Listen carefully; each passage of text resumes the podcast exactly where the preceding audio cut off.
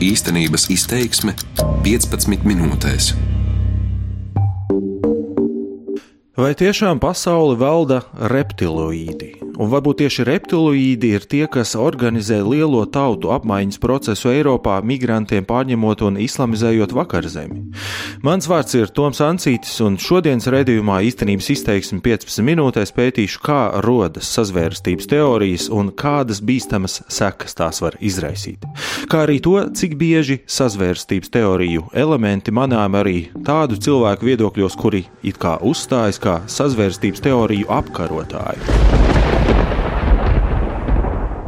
No nu, mums ilgi ir tikusi slēpta patiesība. Bija tā, ka reiz senā, senā pagātnē no citām zvaigžņu sistēmām uz Zemes nolaidās ķirzakveidīgas būtnes, ļaunas un cietsirdīgas, apveltītas ar īpašām spējām, pieņemt cilvēka veidolu, bet, kad ievajagas atkal izskatā atmainīties atpakaļ par reptīli. Briesmīgākais ir šīs ļaunās būtnes, reptiloīdi, mūs slepeni vada. Viņu nolūks ir iegūt kontroli pār zemeslodi. Piemēram, Vācijas kanclere Angela Merkele arī ir reptiloīde.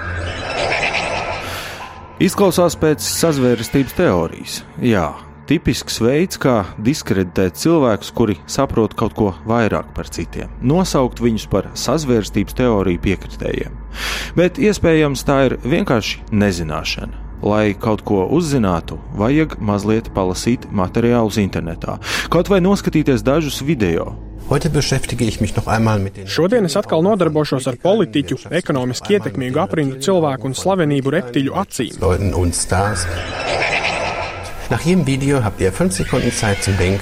Pēc katra video jums ir 5 sekundes domāšanas laika. Nospiežot pauzi, jūs gan šo laiku varat pagarināt, cik ilgi vien vēlaties. Uz priekšu! Los geht's! Lūk, pierādījums. Apturot video no kādas televīzijas intervijas ar Angelu Merkeli uz īsu brīdi, bet pārliecinoši atklājas rūpīgi slēptā patiesība.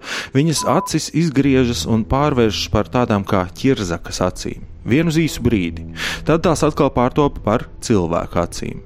Angela Merkele, protams, nav vienīgā reptiloīde.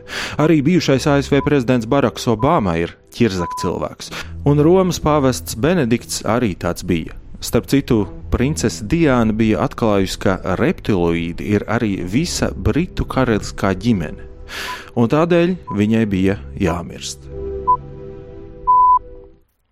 Taču no kurienes gan ir zināms, ka pasauli valda reptiloīdi? To 90. gados atklāja un savās grāmatās aprakstīja bijušais futbolists un publicists Deivids Ike no Lielbritānijas.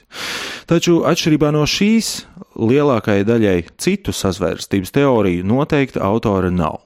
Autori ir nezināmi, un autori visticamāk ir daudzi. Taču kā gan noteikt, ka kāds stāsts vai parādību izskaidrojums ir sazvērestības teorija? To jautāju amerikānistikas zinātniekam, Tībingenas Universitātes profesoram un sazvērstības teoriju pētniekam Mihēlam Buteram. Amerikāņu politikas zinātnieks Maikls Barkuns ir uzstādījis trīs kritērijus sazvērstības teoriju diagnosticēšanai. Pirmkārt, sazvērstības teorētiķi pieņem, ka nekas nenotiek sagadīšanās pēc. Viss tiek izplānots. Otrakārt, nekas nav tā, kā izskatās. Treškārt, visas lietas ir savstarpēji saistītas. Darbojas kāda slepena grupa jeb savērnieki, kuri cenšas īstenot kādu ļaunprātīgu plānu, iznīcināt kādu zemi vai institūciju, pārņemt kontroli vai sasniegt citu tumšu mērķi. Lai to uzzinātu, ir jāpalūkojas zem virsmas. Kad tur paskatās, parādās uzkrītošas saistības starp lietām, starp kurām pirmajā acu uzmetienā it kā nekāda sakara nebūtu Tātad, ja vien ir runa par skaitliski nelielu slepenu grupu, kas tiecas pārņemt varu pār veselu valsti vai visu pasauli, jāsacina, ka darīšana ar sazvērstības teoriju. Jā, un tomēr netik vienkārši. Sazvērstības teoriju jēdzienam tā ikdienas un zinātniskā lietojumā ir dažādas nozīmes, tā stāsta Mihails Buters. Jēdziens sazvērstības teorija tā modernajā nozīmē, kādā to lietojam šodien, lielā mērā saistīts ar izpratni, kuru savā grāmatā Atvērtā sabiedrība un tās ienaidnieki ieviesa Karls Popers. Jau Popera gadījumā parādās dubulta sazvērstības teorijas jēdziena nozīme. No vienas puses tas ir apzīmējums, kuru var lietot zinātniski neitrāli, lai aprakstītu noteiktas domāšanas struktūras pasaules izskaidrošanai. No otras puses, šis jēdziens ikdienā bieži tiek izmantots kā ļoti spēcīgs deleģitimizācijas līdzeklis. Tas nozīmē, ja es kaut ko nosaucu par sazvērstības teoriju, man vairs nav jālieto citi argumenti. Es būtībā pasaku, ka tu esi muļķis, tavas premises ir nepareizas, viss jūsu sacītajā ir samelots un izdomāts. Sazvērestību teorijas pēdējos gados acīm redzot piedzīvo uzplaukumu. Tāds iespējas varētu rasties redzot tūkstošiem tām veltīto lapu internetā, kā arī pamanot to arvien biežāku klātbūtni sabiedriskās diskusijās. Tomēr vai tiešām tās kļūst izplatītākas vai arī vienkārši redzamākas? To nav tik viegli konstatēt. Galu galā sazvērstības teorijas nebūtu nav kāds jauns, īpaši mūsdienām raksturīgs fenomens. Also im 18., 19. un bis weit ins 20. Jahrhundert hinein. 18., 19. gadsimtā un pat 20. gadsimta pirmajā pusē sazvērstības teorijas bija absolūts mainstreams gan Amerikā, gan lielā daļā Eiropas. Tā laika gudrākās galvas uzskatīja, ka sazvērstības vada pasaules vēsturi, un kāds, kurš ticēja sazvērstības teorijām, it nemaz neskaitījās dīvains vai nepārāk gudrs. Jā, pastāvēja dažādi viedokļi par to, kurš tieši tagad un ar ko ir sazvērējies, taču nebija nekādu šaubu, ka lielas sazvērstības pastāv. Savukārt pēc 1950. gada vidus Eiropā, ASV un Kanādā sākās sazvērstības teoriju deleģitimizācijas un stigmatizācijas process. Turpretī reģionos, kur šie deleģitimizācijas un stigmatizācijas procesi nekad nav notikuši, kā Arābu pasaulē un arī atsevišķās Austrumēropas daļās, tās ir leģitīms pasaules izskaidrošanas veids vēl šodien. Ir pilnīgi normāli tām ticēt. Sazvērstības teorijas pastāvīgi apkalpo politiķi, apkalpo mediji. Pietiek palūkoties uz Turciju, uz Krieviju vai palūkoties uz Ungāriju un to, ko mēdz stāstīt Orbāna kungs. Stigmatizācijas procesu, kas sākās pagājušā gadsimta vidū, no vienas puses iekustināja zinātnes attīstība. Tā nāca pie atziņas, ka šāda veida pasaules izskaidrošana nav īsta zinātne. Vara un cilvēku attiecības funkcionē daudz sarežģītāk. Savukārt otrs virziens bija arvien lielāka apjausma, ka sazvērestības teorijas var būt arī drauds sabiedrībai. Vai tā tad var teikt, ka Austrumēropā cilvēki principā būtu uzņēmīgāki pret sazvērstības teorijām? Atbild Mihēls Buters. Also Par to konkrētu pētījumu nav, taču redzot, kā pret sazvērstības teorijām attiecas lieli mediji, piemēram, Polijā, kaut vai piemērs ar nokritušo lidmašīnu ar Polijas prezidentu uzklāja, kas tiek uzskatīta par plānotu slepkavību, vai to, kā sazvērstības teorijas politisku mērķu sasniegšanā izmanto Putins Krievijā, kā arī to, kas notiek Turcijā, jākonstatē, ka stigmatizācijas process šajās zemēs nav norisinājies ne tuvu tik ekstrēmi un konsekventi, kā tas noticis Rietumē Eiropā.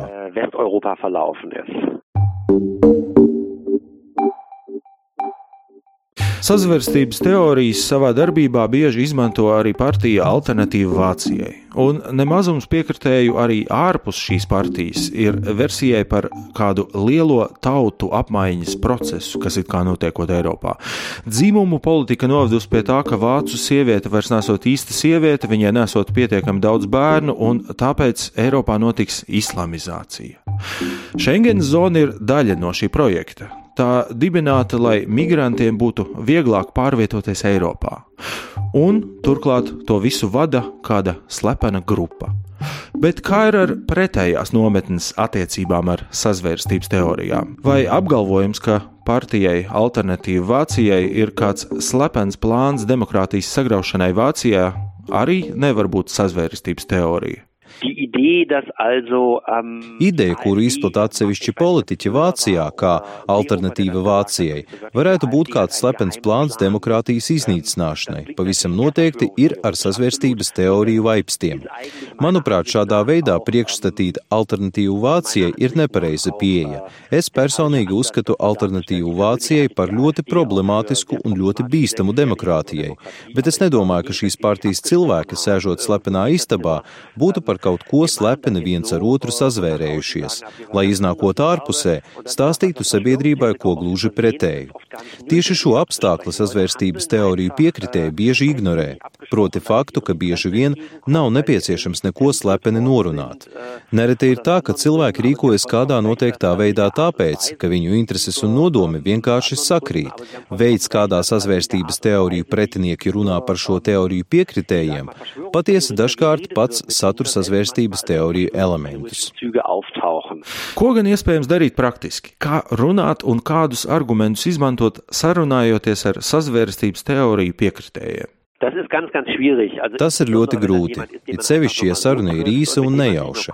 Viņi noslēdzas un vienkārši nereaģē uz šiem pierādījumiem, jo izjūt tos kā savas identitātes apdraudējumu. Sazvērstības teorijas objektīvi ņemot, var ļoti efektīvi apgāst. Arī reptiloīdu teorijai iespējams rast labus pretargumentus. Taču pārliecināti piekritēji tos uzklausot, nevien tiem neticēs, bet pat var interpretēt tos pretējā virzienā, kā papildus apstākļus apstiprinājumu savas teorijas pareizībai. Tādēļ veiksmīgāka stratēģija būtu Neteikt, ka tā ir sazvērstības teorija. Tā vietā izjautāt, bet kā gan tu esi nācis pie šīs vai citas atziņas? Var arī norādīt uz atsevišķām pretrunām, jautājot, vai nevarētu tomēr būt kā citādi. Taču arī tad atspēkot un pārliecināt sazvērstības teoriju piekritējus ir ļoti grūts uzdevums.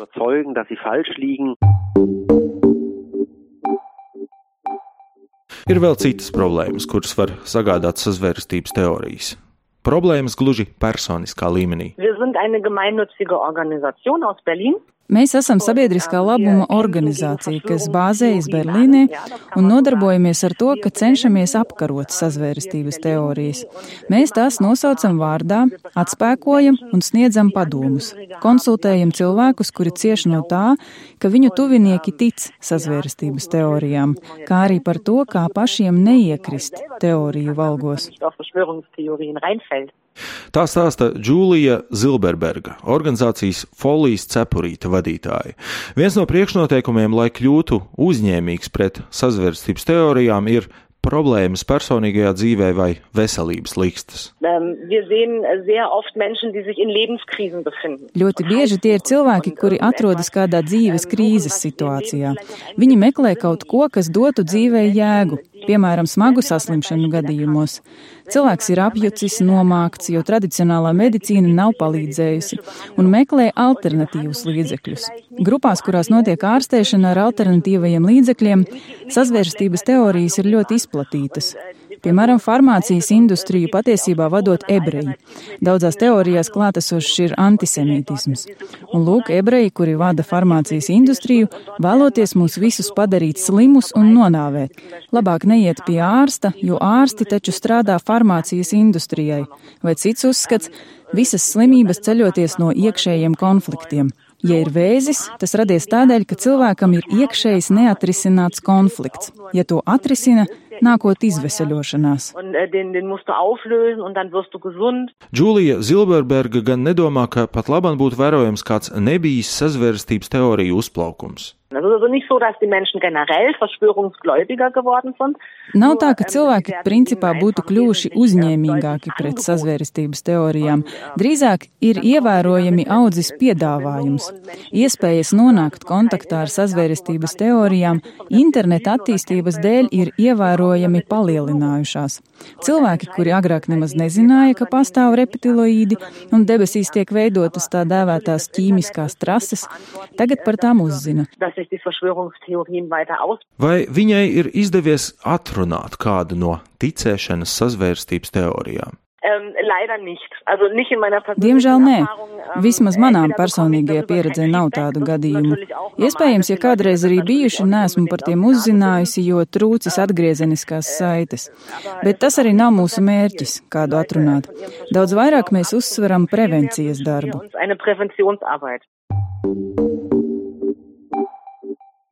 Tas nozīmē skaidrot, informēt un palīdzēt jau pirms cilvēks sācis aizrauties ar kādu no sazvērstības teorijām.